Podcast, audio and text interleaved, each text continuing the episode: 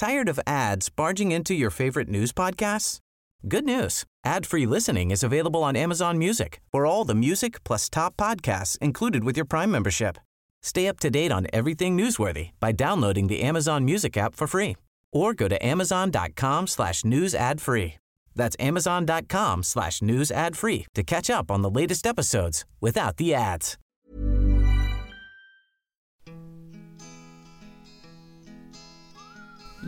Ja, välkomna till ännu ett avsnitt av 24 frågor. Idag är det faktiskt internationella kvinnodagen och dagen till ära har jag besök av en av de mest framträdande feministiska ikonerna får man väl ändå säga i modern tid. Eh, hon har varit partiledare för Vänsterpartiet och nu partiledare för Feministiskt initiativ. Välkommen hit Gudrun Schyman. Tack så mycket. Hur känns det att vara här?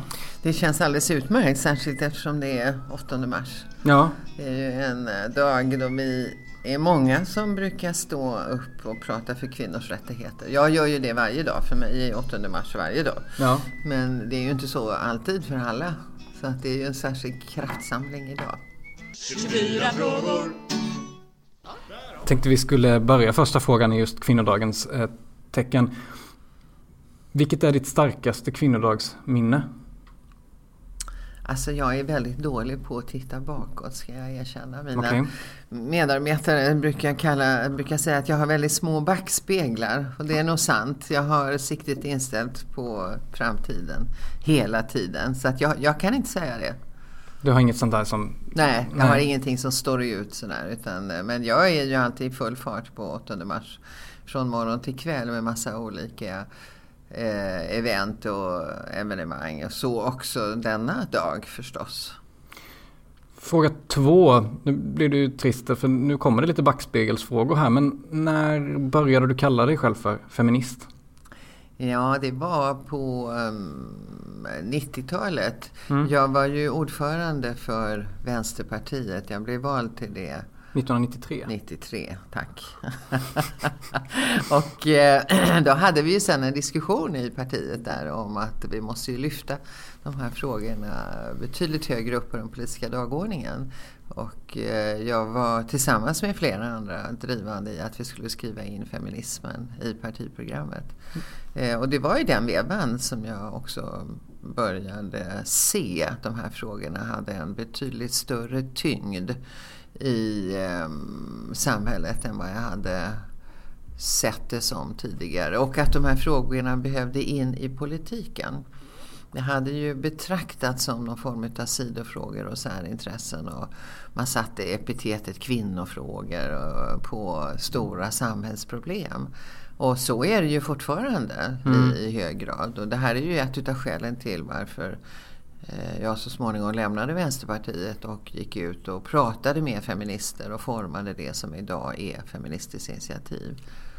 Men jag tänker, du, du kallade dig alltså inte feminist innan 90-talet? För jag menar, det fanns väl i luften? Ja, det fanns ju absolut. Nej, det gjorde jag inte. Inte sådär uh, uttalat. Alltså, det är klart att jag var för jämställdhet och, och um, kvinnors rätt och så. Men jag hade inte tillräckliga kunskaper och analyser för att jag skulle kunna eh, titulera mig det på ett, på ett mera eh, konstruktivt sätt. Var det någon speciell händelse eller något liknande som fick poletten att trilla Nej, ner? men det var den här diskussionen som då fanns och sen så hade jag eh, också medarbetare som var mera pålästa teoretiskt om de här frågorna och som mm. gjorde att jag också kunde se den praktik som jag hade omkring mig, inklusive mitt eget liv och min mammas liv, i ljuset av de här diskussionerna. Och då förstod jag sammanhang eh, bättre. Jag kunde se hur, hur saker och ting hängde ihop på ett annat sätt. Och jag kunde också se hur grundläggande de här frågorna var Eh, för utvecklingen av samhället. Att den här idén om att vi är olika, att vi är så olika när vi är olika kön, att vi ska bemötas på olika sätt, att vi får olika förväntningar på oss, att vi ska spela olika roller i samhället och så vidare. Det där är ju så oerhört grundläggande och gör man mm. fel där i början så mm. blir det ju fel fortsättningsvis också. Och jag hade väl mera tittat på de här uttrycken för könsmaktsordningen eller genuskontraktet och inte riktigt eh, till fullo varit medveten om hur avgörande de här tankemönstren faktiskt är. För, på arbetsmarknaden, i lönebildningen och synen på föräldraskapet och allt det där. Våldet var ju det som var tydligt också då. Eh, mäns våld mot kvinnor. Men, men eh, de andra frågorna hade jag inte riktigt satt in i sitt tydliga feministiska sammanhang. Fråga tre. Du, du är ju uppväxt i Täby. Mm. Norr om Stockholm. Det är kanske inte något vänsterfäste direkt. men vet du, när jag växte upp så ja. var det ju landet. Ja, det ja. var inget fäste överhuvudtaget utan det var vischan. Ja, okay. eh, det gick en litet eh, tåg till Näsby Park som var slutstationen och där fanns det en liten lanthandel och sen fick man gå. Okay. Jag gick i skolan i Vigbyholm, det låg en bit bort åt andra hållet och det var spark och skidor på vintern och det var cykel på sommaren och det var bondgårdar och höskrinder. Alltså det var så på den tiden. Du var ingen, du var ingen klassförrädare eller något Nej, sånt där? Nej, det var, alltså jag bodde i ett område som på den tiden var bebyggt utav mest sommarstugor. Väldigt eh, små, enkla. Och det huset vi bodde i, det var tre rum och kök. Mm. Det, alltså det var små hus på väldigt stora tomter på den tiden. Och nu är det ju jättelika hus på väldigt små tomter. Mm. Så mm. att det har ju varit en fantastisk förändring där. Och också en... Um, nu är det ju en markör i klassamhället kan vi ju säga. Eh, händer det att du åker upp dit ibland och kikar lite? Nu är det ganska länge sedan jag var där. Men ja. visst, det, det, har hänt eh, att jag har... Jag har ju promenerat där med mina barn och visat här bodde jag och sådär. Ja, det huset syns ju inte. Det finns väl någon skorstenstock kvar mm, inne i mm. något större bygge. Mm, men, ja, ja, men eh, det, lig, det låg väldigt vackert. Det ligger vid en vik av Värtan. Med, vi hade utsikt över sjön som vi sa. Det, var ju, det är en bit av havet. Men Ehm, och det var stora allmänningar och det var, mm. det var landet. Mm. Och vi var ju ett antal ungar som växte upp där längs den där vägen som eh, höll ihop. Och, och så fanns det ju en familj som hade mycket pengar då som utmärkte sig med stort hus och trädgårdsmästare och, mm. och sådana saker. Så att klassamhället var närvarande. Men ni fanns hade... på andra sidan vägen. Ni hade inte eh, djur och sånt där också? Nej, nej, vi hade inte det. Nej. Men det fanns ju en levande bondgård eh, inte så långt därifrån. Mm, mm. Um, hoppa fram lite, fråga fyra. Kommer du ihåg vilken din första stora politiska förebild var? Ja, jag, jag tror att inrikespolitiskt så var det ju så att jag um, nog fascinerades av Olof Palme. Alltså jag kom ju in ganska sent i politiken. Mm.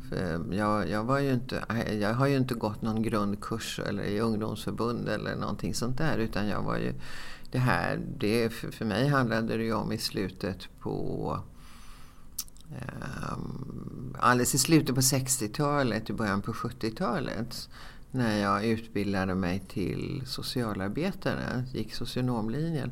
Då var det en väldigt tydlig politisk debatt. Det var ju det i samhället då, i efterdyningarna där av 68 och så. Och det, mm. det var ju otroligt fascinerande tyckte jag. jag. Jag kom ju då som med stora ögon till den där universitetsvärlden som jag aldrig hade betraktat som min. För att jag hade aldrig tagit studentexamen. Jag började jobba tidigt efter nio år i skolan. Eh, och jag såg med stora ögon på detta. Och, och det, i, i det sammanhanget fanns det ju också en stark internationell debatt. Mm. Det, hade ju, och det var Vietnamkriget mm. och den rörelsen. Och jag hann väl gå i några demonstrationer där. Så att jag började ju se på mig själv som lite allmän vänster. Eh, och um, Olof Palme var ju en väldigt stark röst för den internationella rättvisan.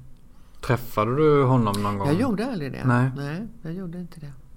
Sen har jag ju sett eh, kvinnor som jag tycker har varit väldigt starka i sitt fredsarbete. Alltifrån Inga Thorsson som är, inte var i politiken ens när jag kom in. Hon är ju ett gammalt, eh, hon lever ju inte längre men hon var ju statsråd i, inom socialdemokratin tidigare. Jag vet inte om du vet vem hon var?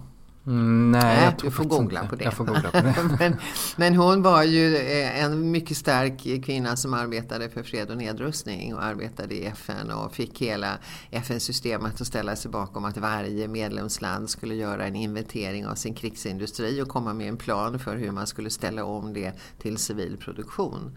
Hon blev ju naturligtvis inte väl sedd då i, i regeringen för att det finns ju helt andra intressen där att utveckla vapen och sälja vapen fortfarande. Mm. Eh, och, men jag tog, kontaktade henne när jag arbetade med fredsfrågorna på Europanivå senare på 80-talet. Mm. Hon var en väldigt eh, drivande och klok kvinna.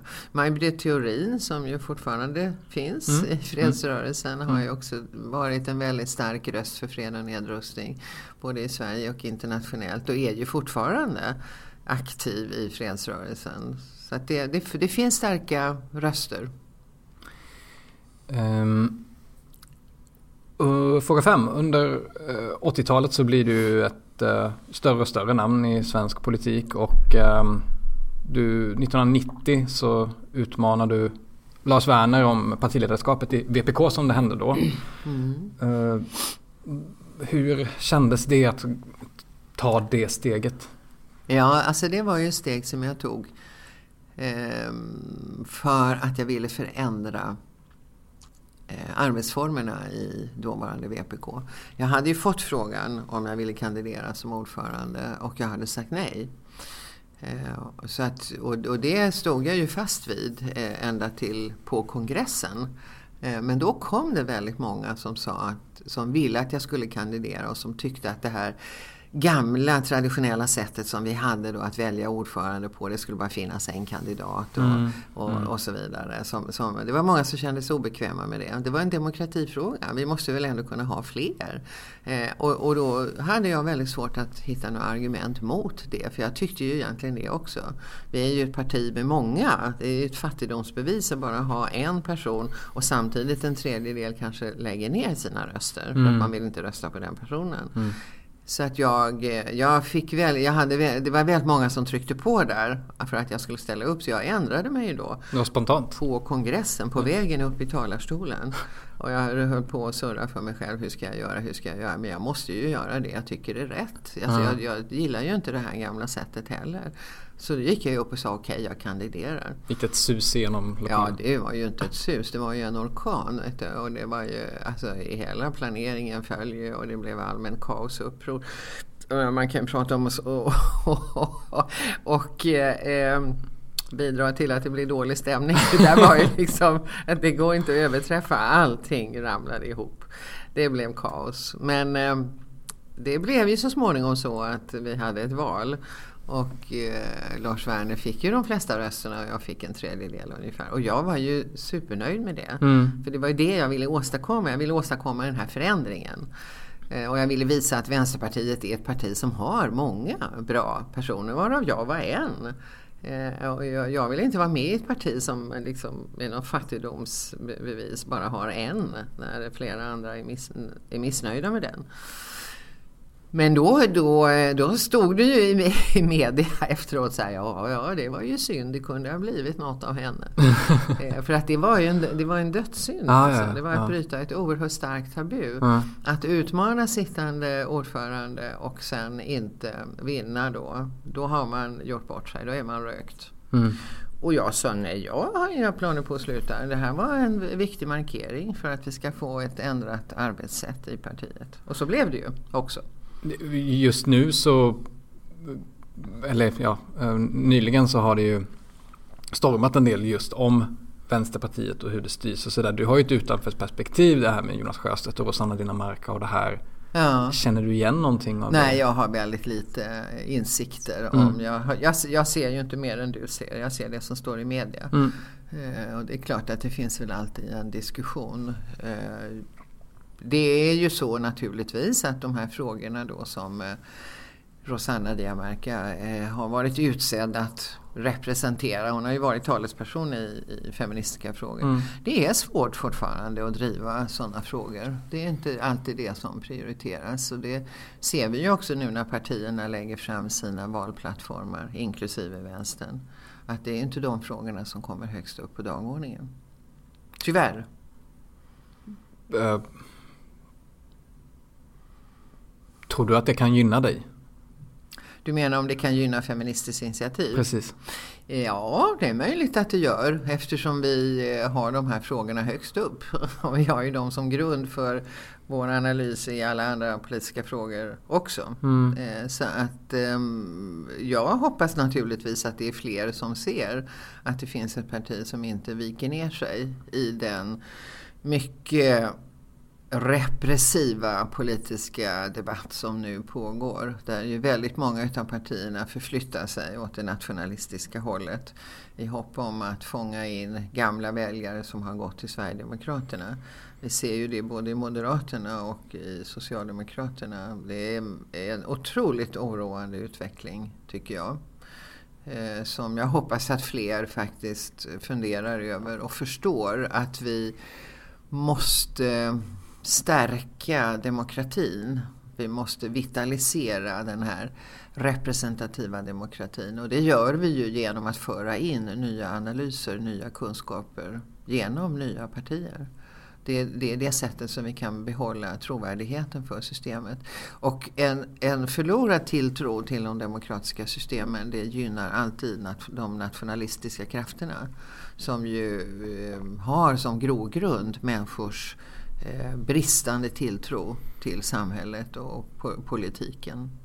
Så jag ser ju Feministiskt initiativs närvaro i politiken som mycket mer angelägen nu än för drygt tio år sedan när vi startade.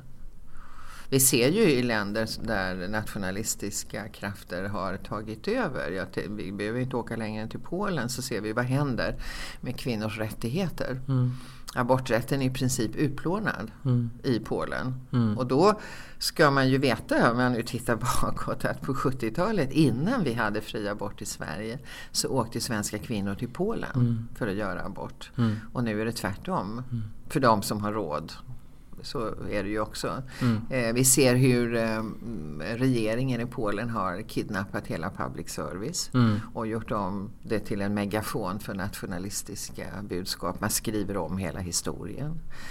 Vi kan titta på Ungern som är ett land där nationalistiskt parti har egen majoritet. Man rullar ut taggtråd runt gränserna. Man spärrar in flyktingar och asylsökande i containrar. Man, har hets, man, man hetsar mot hbtq-personer och så vidare.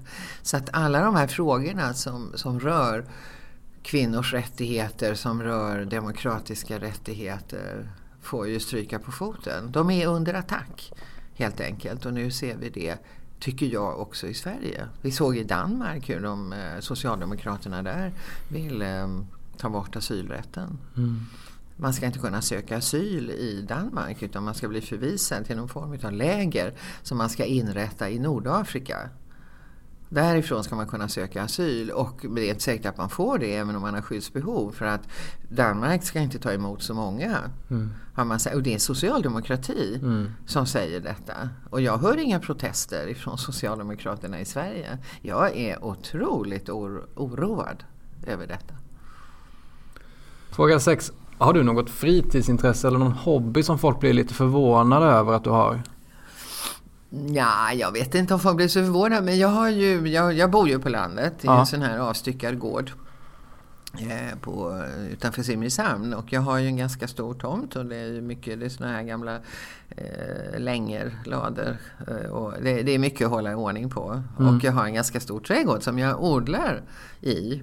Jag odlar potatis, jag mm. odlar eh, eh, massa olika salladssorter, jag odlar kryddor, jag odlar eh, ja, ätbart mm. överhuvudtaget. Eh, jag har en hel del bärbuskar och sånt där. Så jag är ju mycket i trädgården. Är du bra på att laga mat? Jag är bra på att laga mat, ja, ja. absolut. Mm. Det så, så, men det måste väl vara jättehärligt att kunna gå ut och plocka lite sallad och ja, sånt där. Det är ju därför jag håller på med det. Men det är ju inte, det är inte lönsamt på något sätt. Men det är, jag tycker väldigt mycket om att kunna förhålla mig till väderleken när mm. jag är hemma. Mm. Och är det väder så här, ja nu går jag ut och sen är jag ute tills solen går ner. Mm. Och, och, det är otroligt härligt. Det är ju också en, en, Alltså man tänker ju väldigt bra när man ligger och rensar ogräs och mm. sånt där. Ja, Så jag, att det, det, det är ju det jag gör. Och sen går jag väldigt gärna långa promenader nere vid havet. mm. Eh, och, eh, det, och, och jag har ju förmånen då att kunna ha en oruten horisontlinje att titta över. Och det gör ju att tankeverksamheten blir väldigt, väldigt bra. Jag tänker otroligt klokt när jag går där. Så tänker jag, jag borde ju prata in det här eller skriva ner det här. Och det gör jag ju naturligtvis Går inte. du och så viskar högt för dig själv? Nej, men jag har ju en dialog i huvudet Ja. då. Och jag skriver lite artiklar där i huvudet och jag kommer på bra rubriker och du vet. Mm. Ehm, Nej, Sen men- försvinner ju det där men, men det är ju, ehm, det är ju en, en otrolig förmån att få bo på det sättet, det måste jag säga. Ja, det är ju någonting med vatten också. Ja. Eh, Jag, jag bodde i Jönköping ganska länge och Mm. jag brukade ta kvällspromenader längs Vättern. Och just det är som du säger, det här tanke... Det är någonting med det här. Ja. Men jag, alltså jag känner att det är ju, det är dels det här rent fysiska, att kroppen är igång och det Mm, pulserar. Och det sätter ju också igång tankeverksamheten och är det inte då massa husväggar som man studsar emot när man tittar utan det är fritt. Mm. Så betyder ju det mycket för tanken, tankens frihet. Att, att inte bli stoppad av någonting. Det, det hänger ju ihop, det är ju ett, ett kretslopp liksom. Vi är ju en del av. Eh, Jag tycker det är oerhört härligt. Fråga sju. Vilka emojis använder du mest? Ja, det är väl eh, le, leendet, eh, oss och hjärtan. Ja. Ja. Är det, Jag är inte mer avancerad än så. Nej, du är inte sån där... Jag- eh, Många... Den här med tummen upp också. Ja, Ja. många i din generation känner jag ibland kan övervän, överanvända emojis väldigt mycket. Du har inte fallit in i det Jaha, träsket? nej, det tror jag inte. Att det blir lite för mycket ibland? Jag tror inte det. Nej, nej det, låter, det låter ju inte som det. Fråga åtta, du var inne på det alldeles nyss, det här med Simrishamn. Hur... Jag antar att om du pratar med någon vän eller någonting och säger att jag ska åka hem, Mm. då är det dit du ska. Mm, absolut. Hur hamnade du där? Ja, det var ganska slumpartat. Det var i slutet på 70-talet så skulle jag och den man jag levde ihop med då lämna Stockholm. Eh, Och egentligen skulle vi flytta norröver ihop med lite vänner och bilda ett kollektiv. Mhm. Eh, Det var poppis på den tiden. Ja, jag bodde i kollektiv i, i Stockholm. Vi hade Ja. gjort det i flera eh, år. Och, men så utbröt det några konflikter där som jag inte vet vad det egentligen de handlar om. Så att de där planerna gick i stöpet. Disken kanske? Ja, inte vet jag vad det var. Men det, vi var inte inblandade i det utan Nej. det var andra. Och då, då så stod vi där och var färdiga liksom att lämna Stockholm.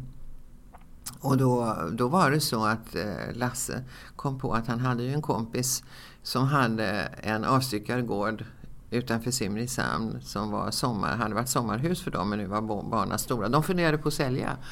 Och så sa vi, ja men då får vi flytta dit. Vi kan prova och se hur det är där ett år och de kan prova och se hur det var utan det där huset. Mm. Så vi hyrde det. Ja. Och så flyttade vi ner. Eh, och sen så, för att lång, göra en lång historia kort, så blev vi kvar.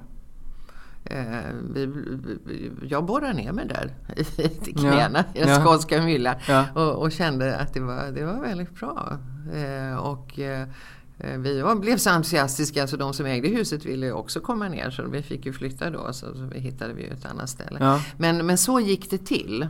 Och sen så bodde jag där nere i tio år. Mina barn är födda där. När vi sen separerade så flyttade jag tillbaka till Stockholm för att jag hade min mamma här och jag hade vänner som då bodde i ett kollektiv ute på Värmdö Mhm, mm. utanför Stockholm. Så att jag, jag flyttade dit. Eh, och sen blev jag kvar i Stockholm i drygt tio år. Och sen när barnen hade blivit lite större så jag behövde inte förhålla mig till skolor och så. Då Nej. flyttade jag tillbaka. Mm. Och då hade jag en sån tur så att det, det huset som vi hade lämnat när vi separerade som var liksom pärlan. Mm. Det huset eh, ville jag tillbaka till och vi hade sålt det till ett nypensionerat par från Stockholm som ville ha långa somrar där nere. Och när det hade gått då 10 år, 11 kanske, så då ringde jag och frågade om de var färdiga. Ja, och de ville sälja det tillbaka. Ja, och det ville de. Jaha. De var glada när jag ringde för de hade blivit lite sjukliga och de orkade inte hålla det där. Nej, nej. Men hade ännu inte börjat att prata med någon annan än sig själva om detta. Så Mm. jag kom som en skänk från ovan, tyckte de. Mm. Och jag tyckte att de var som en skänk från ovan. Så det blev en snabb affär och jag flyttade tillbaka. till men, samma hus där jag, som jag hade lämnat. Men du har aldrig lagt dig till med någon skånska? Nej, det har jag inte. Nej. Jag kan lite om jag anstränger. Ja, okay. um, fråga nio. Uh, om nästan exakt ett halvår så är det val. Hur går det för Feministiskt initiativ? Det kommer gå bra. Mm.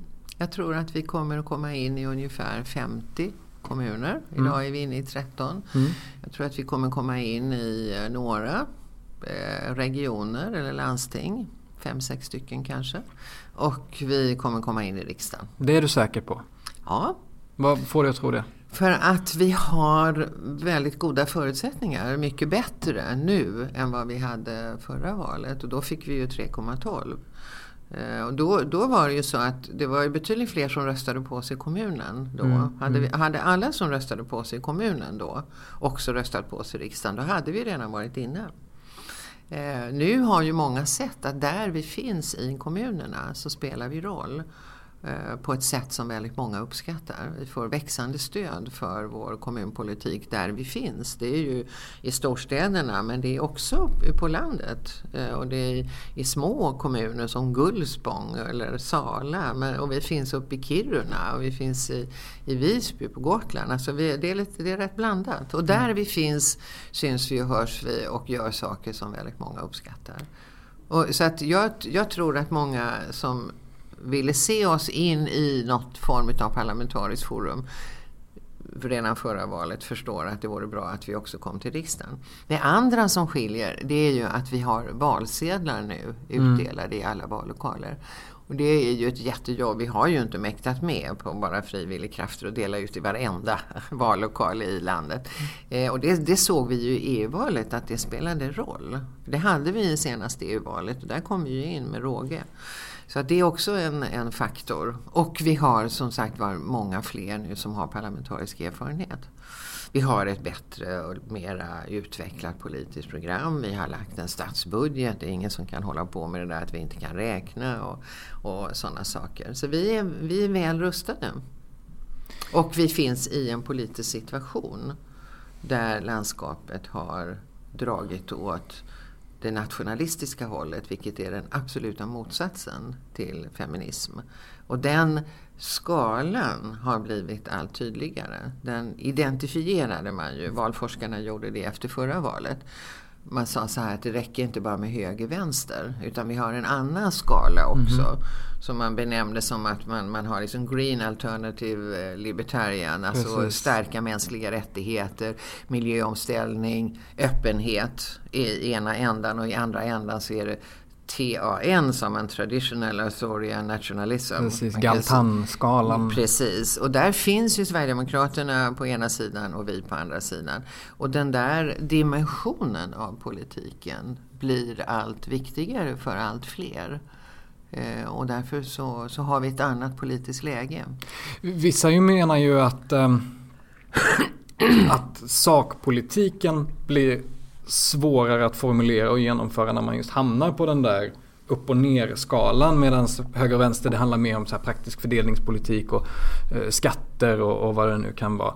Eh, är det svårt att försöka föra en opinion på just den här Galtan? Nej, jag tycker inte man ska se det som mots, motsätt, en motsättning mellan de där två olika. Utan det är ju så att de kompletterar varandra. Mm. Alltså de har ju en väldigt tydlig koppling till varandra. Om du tittar på, på ekonomi och tittar på eh, majoriteten av fattiga i Stockholm, i Sverige, i Europa och i världen så är det kvinnor. Det är en väldigt tydlig koppling mellan klass och kön. Klassfrågan finns ju alltid närvarande men har också väldigt stark koppling till kön. Tittar du på klimathotet så har det också ett kön. Man, man talar ju om ekologiska fotavtryck. Hur mycket eh, belastar vi det här enda jordklotet som vi har? Så är det en skillnad mellan gruppen kvinnor och gruppen män. Gruppen kvinnor har storlek nummer ett på belastningsavtrycket och gruppen män har storlek nummer tre. Och det beror på att i gruppen män, i den rika delen av gruppen män, finns kontrollen över den globala ekonomin som idag används till att i hög utsträckning utveckla produktion och konsumtion som belastar det här jordklotet mer. Så att det är mer att visa på samband och sammanhang. Det är det som gör den här dimensionen nödvändig i politiken. Det räcker inte med klass, det räcker inte bara med de liberala värdena om individens frihet utan man måste koppla ihop det här. Och det är det vi gör då i vår analys. Fråga 10 var inne på det innan. Ehm, 2014 var det väldigt nära att ni kom in i riksdagen. I första vallokalsundersökningen så låg ni över 4% Sen så dalade det lite över kvällen. Hur kändes det? Var du besviken den kvällen?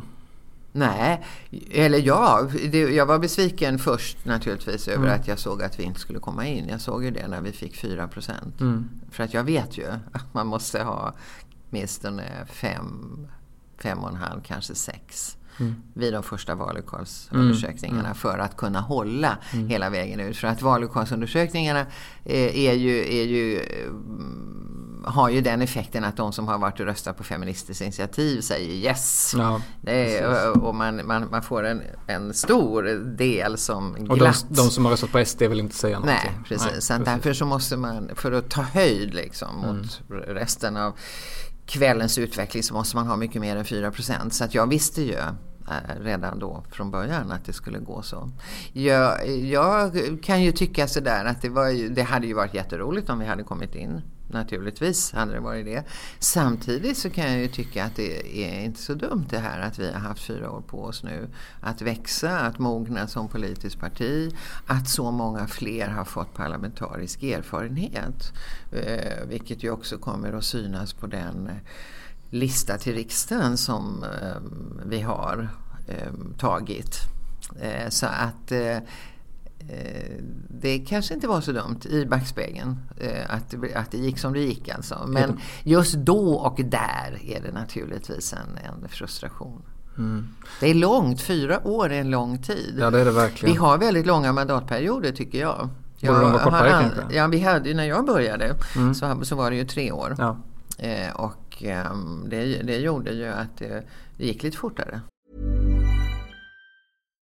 If you're looking for plump lips that last, you need to know about Juvederm lip fillers. With Juvederm Volbella XC and Juvederm Ultra XC, your lip look, whether it's subtle or bold, can last up to one full year with optimal treatment and no additional maintenance. Find a licensed specialist and see if it's right for you at Juvederm.com today. That's J U V E D E R M.com. Add fullness to lips in adults over 21 with Juvederm Volbella XC or Juvederm Ultra XC. Do not use if you have severe allergies or a history of severe allergic reactions, or if you're allergic to lidocaine or the proteins used in Juvederm. Tell your doctor if you have a history of scarring or taking medicines that decrease the body's immune response or that can prolong bleeding. Common side effects include injection site redness, swelling, pain, tenderness, firmness, lumps, bumps, bruising, discoloration, or itching. As with all fillers, there's a rare risk of unintentional injection into a blood vessel, which can cause vision abnormalities, blindness, stroke, temporary scabs, or scarring.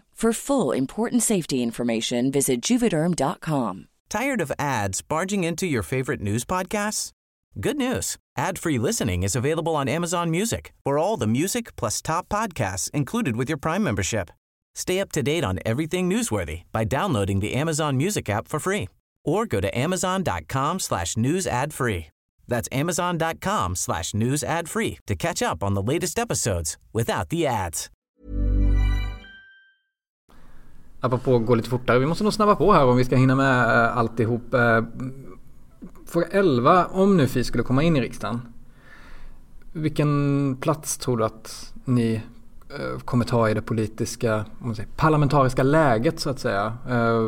Kommer ni ställa er bakom rödgröna blocket bara sådär eller? I den mån det kommer bli något sådant block så, så, finns vi ju på den eh, planhalvan. Absolut, det gör vi ju både i vår ekonomiska politik, i vår miljöpolitik och i, i vår eh, socialpolitik och så vidare. Vi, vi kommer ju att vara en röst som är orepresenterad i väldigt hög grad idag och det är rösten för fred och nedrustning den antimilitaristiska rösten saknas ju tyvärr idag i riksdagen helt och hållet. Vänsterpartiet har ju också lämnat den antimilitarism som utvecklades under den tiden som jag var partiledare.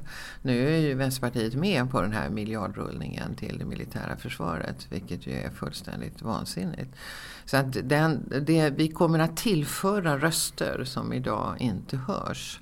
Vi kommer också ha en annan röst när det gäller synen på vad vi behöver göra för att eh, mota eh, våldet, både vapenvåldet och eh, det andra våldet i samhället. Vi tror inte på det här med hårdare tag och repression. Vi förankrar oss i forskning och i fakta som visar på att det är social politik som behövs. Det är bostadspolitik, det är stora satsningar på förskolan och på skolan.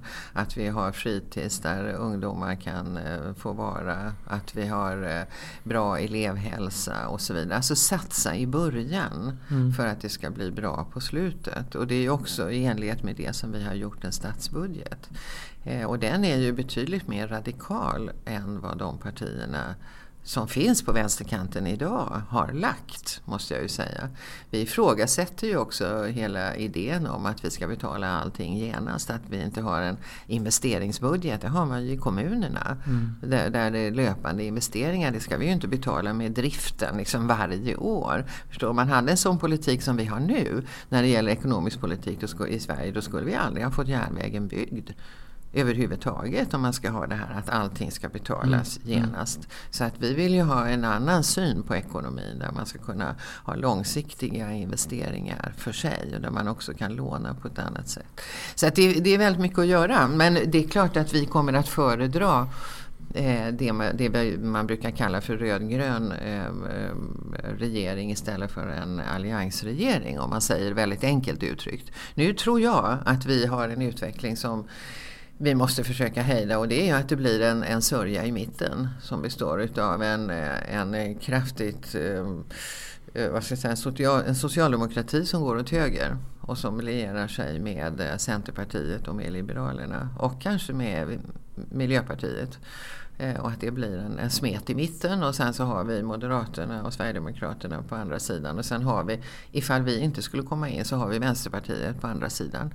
Ett vänsterparti som kommer att bli fullständigt isolerat. Mm. För det finns väldigt starka krafter också inom mitten och inom socialdemokratin som vill hänga av Vänsterpartiet som extremistiskt. Och så mm. säger man där är vänstern extremisterna och där är högern extremisterna och så pekar man på Sverigedemokraterna. Och då spelar det ingen roll om Vänsterpartiet fördubblar sitt väljarstöd. De får, kommer inte få någonting att säga till om. Om det inte finns fler röster som kan dra åt det hållet. Skulle du vilja ha en ministerpost? Nej, jag diskuterar inte i termer utav ministerposter eller regeringsposter. Jag vänder mig väldigt mycket emot det här att reducera politiken till ett spel om makten. För det är det som också gör att väldigt många människor vänder sig bort från politiken. Det är bara ett enda maktspel. De sitter där och diskuterar hela tiden, inte minst i media. Vem ska vara med vem och hur ska det gå till efter valet? Som om det inte spelar någon roll vad vi tycker, vi som ska gå och rösta. Mm. De har inte en susning om hur vi har det här där jag bor, hur vi har det på mitt jobb, hur, det, hur min pension inte räcker till. Och de verkar skita i det. Mm. De sitter där och skrubbar varandra på ryggen, feta arvoden har de som jag är med och betalar, de ska ha sig en spark i arslet. Jag röstar på Sverigedemokraterna. Den typ av missnöjesröstning såg vi väldigt mycket av i senaste valet. Inte minst i kommunerna. Jag såg det i Simrishamn där jag är kommunpolitiker. Sverigedemokraterna dubblade. De fick sju mandat och det har bara varit tre närvarande under hela mandatperioden. Det är ett rop ut i skogen. Mm. Ett missnöje med att inte vara representerad, att inte vara tilltalad. Och detta göder nationalisterna. Så därför så, så, tycker jag vi måste prata demokrati, vi måste prata om vad är politik? Det är väl någonting annat än ett bara spel om makten. Politik ska ju vara ett uttryck för den längtan som vi vill förmedla en längtan efter att det ska kunna se ut på ett annat sätt. Att andra värderingar ska kunna finnas i samhället, att en annan politisk diskussion, en annan vilja att faktiskt göra förändringar. Det är ju det som är politiken, kraften i att vi kan föreställa oss någonting annat. Leder in lite på fråga 12 här. Um, under din uh, politiska karriär så har ju, som du var inne på, Sverigedemokraterna ändå växt. De har kommit in i riksdagen och sånt där. Va, hur, hur har du sett på den utvecklingen? Alltså när att de har fått allt mer och mer att säga till om? Ja, det är ju den här utvecklingen som jag delvis har beskrivit. Mm. Att människor i sin frustration över att inte känna sig företrädda, att det här glappet mellan de, de valda och de som ska välja ökar mm. hela tiden. Om, om, om, om man inte bryr sig om det så, så blir det ju till slut ett politikerförakt. Och hur ska man kanalisera det då? Ja, då röstar man ju på de som säger sig stå för det där politikerföraktet. Som säger vi är vanligt folk och vi... Så här. Eh, och dessutom om man inte känner att man hör hemma någonstans, om man känner sig i utkanten av samhället, om man inte är med i det här liksom, eh, systemet på något sätt. Om man, eh, då så kan man ju alltid få, också få en identitet eh, hos Sverigedemokraterna. Som säger här, du, du åtminstone som svensk då kan du ju få en tillhörighet även om du har, eh, inte känner dig liksom höra till någon annanstans. Mm. Det är ett otroligt förenklat budskap. Och i, om man inte har någonting annat att gripa i så griper man ju i det. Och den här liksom anti-etablissemangsröstningen, det har vi ju sett. Ja, men Brexit var väl ett bra exempel på det. Mm. Trumps mm. framgångar, mm. Le Pens stöd, eh, Neue Alternativ för Deutschland i senaste Tysklandsvalet och Sverigedemokraterna i Sverige. Mm. Och sen när de väl kommer in så påverkar det. Och då tycker jag vi behöver bara gå till, till Danmark och titta på hur har Dansk Folkeparti påverkat. Jo, till, till och med socialdemokratin är beredda att upphäva asylrätten. Det trodde man väl ändå inte? Nej. Och här går ju socialdemokratin också i, i Moderaternas fotspår då för att hämta hem Sverigedemokrats väljare. Och det kommer att översättas i praktiken. Det är inte på skoj det här. Det är därför jag tycker demokratifrågan måste bli central. Mm. I, eh, i, i valrörelsen. Vi måste prata om vad det är att vara medborgare i en representativ demokrati. Och att vi har ett ansvar också att bära upp den här rollen. Det räcker inte med att sitta vid köksbordet det räcker inte med att trycka på like-knappen utan vi måste också organisera oss och gå samman och, och, formulera oss och ta plats i de här parlamentariska rummen och mota eh, de här reaktionära krafterna. Fråga 13. Eh, du har ju varit en del av svensk toppolitik väldigt länge och jag undrar helt enkelt hur, hur orkar du?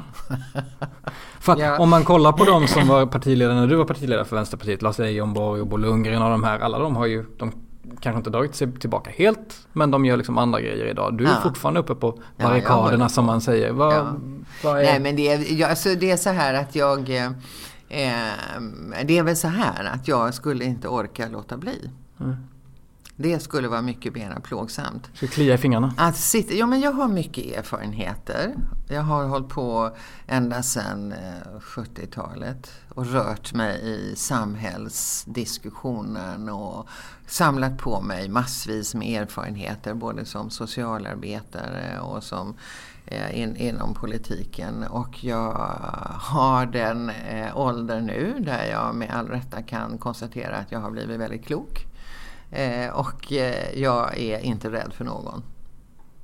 Det är ju det som följer med att uh, bli lite äldre. Det, det måste kännas skönt. Ju, det känns ju väldigt skönt. Särskilt för mig förstår, som har kommit in i politiken lite ifrån sidan och aldrig haft några eh, självklara positioner. Och, och, som har dragits med ett bildningskomplex för jag inte har studentexamen i större delen av mitt liv. Och så mm. sitter jag här nu och tänker, ja men jag är rätt klok.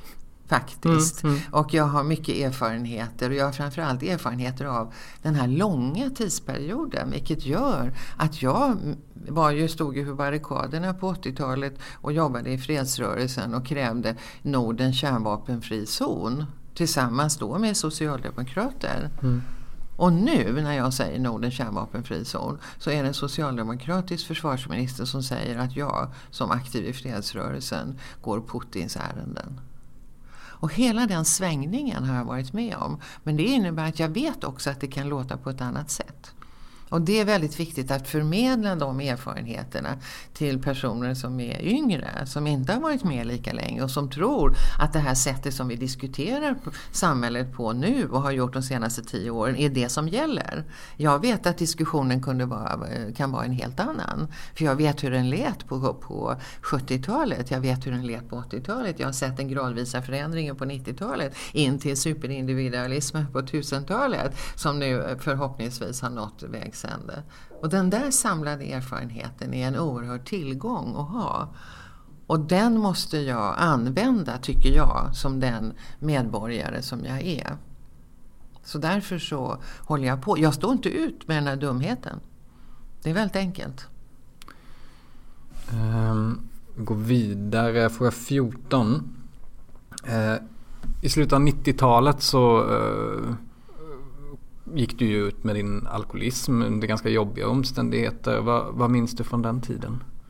Ja, det var ju en turbulent tid mm. för att uttrycka sig diplomatiskt. Det var en väldigt jobbig period. Absolut. Eh, samtidigt så måste jag ju säga att jag förvånas över, och det gör jag fortfarande, över att så många har så lite kunskaper om alkoholismen som sjukdom. Mm. Att det är många som fortfarande diskuterar den som om det vore någon form av karaktärsdrag. Och att det, det handlar om att ta sig i kragen och rycka upp sig. Ja, och att man gör medvetna val och så vidare. Jag, när man, som jag har varit inne i den sjukdomen och den sjukdomsprocessen så vet ju jag att det ser ut på ett annat sätt. Eh, att, att vara i ett, i ett kemiskt beroende gör ju att de normala funktionerna slås ut. Man tänker inte rationellt, man tänker på att jag måste överleva och då måste jag ha den här drogen, om det nu är alkohol eller om det är någonting annat. Och det är ju en väldigt eh, stark drift att överleva. Så det slår ju ut väldigt mycket annat. Jag tycker att det var en plågsam period också ju, eftersom jag är en offentlig person. Mm. Eh, det var ju samtidigt väldigt tydligt hur, hur olika man såg på kvinnor och män. Eh, om mm. man eh, kopplar ihop det med alkoholism. Det var, ju, det, var, det var ju som om jag var den första kvinnan, den första toppolitikern överhuvudtaget som hade varit i närheten utav det här. Och då vet ju väldigt många att det har varit väldigt många eh, tidigare. Men det har varit män. Jag, jag, tänkte komma in på det för att eh, det var, eh, jag lade märke till, eh, det var ett tag sedan jag skulle skriva någonting om dig och då kollade jag i TTs bildarkiv. Och då hittade jag en bild, jag tror den var från eh, Vänsterpartiets, om det var en kongress eller en valvaka någon gång i slutet av 90-talet. Det var i alla fall efter att du hade gått ut med din alkoholism. Och då står du med ett glas som ser ut att innehålla, jag vet inte, det, man ser inte vad det är för någonting. Men du tittar ner i glaset och då står det TT har alltså skrivit bildtext då. Där det står Gudrun Schyman på Vänsterpartiets kongress eller vad det nu var. Citat törs jag tycks hon tänka när hon tittar ner i glaset. Mm. Kände, alltså, tog folk ens det här på allvar att du gick ut med det?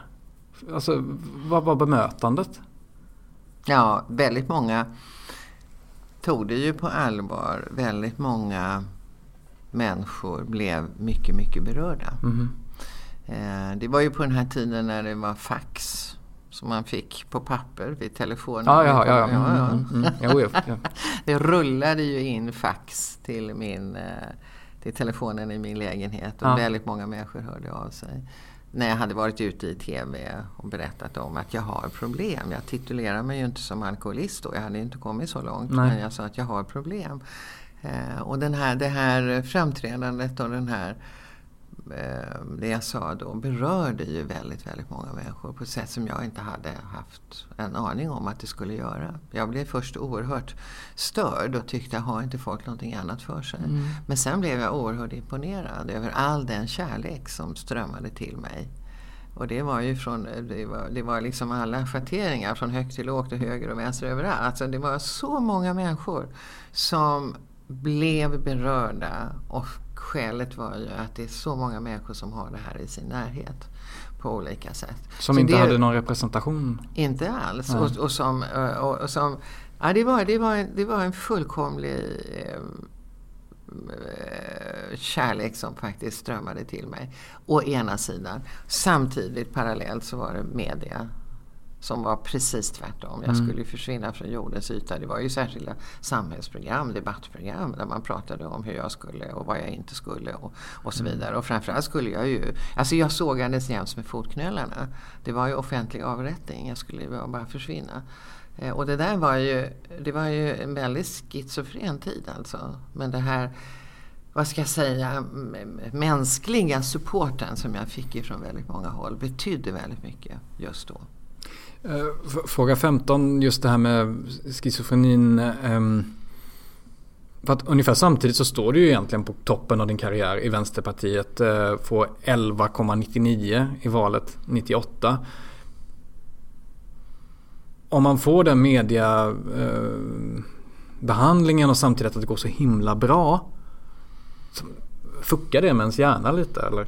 Nej men jag tror att vi, det var flera skäl till att vi gjorde det där väldigt bra valet då 98. Ett, ett utav, en, en utav ingredienserna tror jag var att, att um, hela den här turbulensen omkring alkoholismen också gjorde att människor såg en människa. Inte bara en partiapparat, mm. utan en människa. Och om man har mött en människa istället för en pratapparat så är man också mer beredd att lyssna.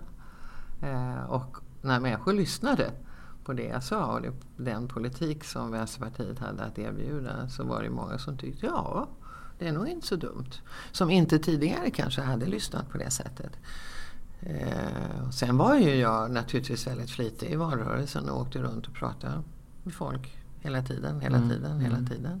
Och det spelade ju också roll, självklart. Eh, så det är ju många ingredienser som um, finns i det där naturligtvis. Men jag, jag tror ju, och det gör jag ju fortfarande, envist på värdet av det mänskliga mötet. Att träffas i ögonhöjd och att uh, diskutera. Det, och det är folkbildning. Jag ser det ju väldigt mycket som folkbildning, det jag håller på med. Och det gör jag ju fortfarande. Jag kör ju med mina homepartyn. Jag kommer hem, samlar du minst 25 så kommer jag till mm. dig och så mm. pratar vi om saken. Och det är ju oslagbart. Ska vi se. Ja, eh, nu, nu är klockan två minuter i elva. Vi uh, köra på lite då. Vi, kör, vi, vi, vi, vi får bränna på så får vi se hur mycket vi hinner. Uh, har du kallat dig kommunist någon gång? Nej, jag har ju inte gjort det. Nej. Och sen finns det de som lägger mycket tid på att ta reda på om det inte finns något citat i alla fall där jag kan. Så, men, mm. Och det kan man naturligtvis rota efter. Jag är ju medveten om att det parti jag gick in i en gång i tiden, 1977, det heter Vänsterpartiet kommunisterna. Mm. Så är det. Jag har kallat mig själv för socialist. Eh, men eh, jag, jag, jag, tycker inte det är så eh, fruktbart att diskutera omkring det ska jag säga. Um, Fråga... Jag var ju också väldigt drivande i Vänsterpartiet för att vi skulle eh, göra upp med det där. Ja, jag har ju drivit frågan till, till en kongress där jag uttalade väldigt klart att vi, eh, att vi behövde se på historien. Och det ställde ju till mycket konflikter då. Många som tyckte att jag gick alldeles för våldsamt fram och så. Men det var nödvändigt tyckte jag. Fråga 17, är du fortfarande EU-motståndare? Alltså frågan ligger ju inte så nu. Vi står ju inte inför att vi ska rösta men jag tycker fortfarande att det finns eh, stora demokrati eh, eh, problem med den Europeiska unionen. Det som bekymrar mig mest nu det är att det försvarspolitiska samarbetet eh, accelererar inom den Europeiska unionen. Idén på att eh, ha ett gemensamt försvar, att öka försvarskostnaderna och att eh, militarisera den mm. Europeiska unionens mm. samarbete. Och det är väldigt lite diskussion om det, nästan ingenting alls. Det tycker jag är väldigt bekymmersamt. Fråga 18. 2003 så avgick du som partiledare för Vänsterpartiet. Valet 2002 var något av en liten besvikelse och det var lite skandaler och sådär. När du stod där och hade avgått och lämnat över till Ulla Hoffman. Trodde du att du skulle komma tillbaka till rikspolitiken där och då? Nej, det hade jag ingen som helst aning om.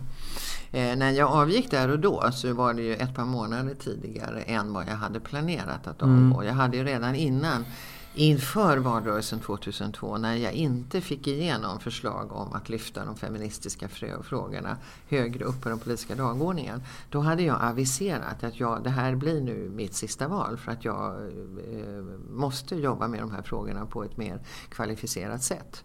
Så att jag hade redan sagt i partiledningen att jag skulle avgå vid kongressen efter valet. Eh, men jag ville inte lämna liksom, ett halvår innan valet eller Nej. ett år innan valet. Nej. Eh, men sen kom ju den här turbulensen omkring mina skatter och då avgick jag ju tidigare.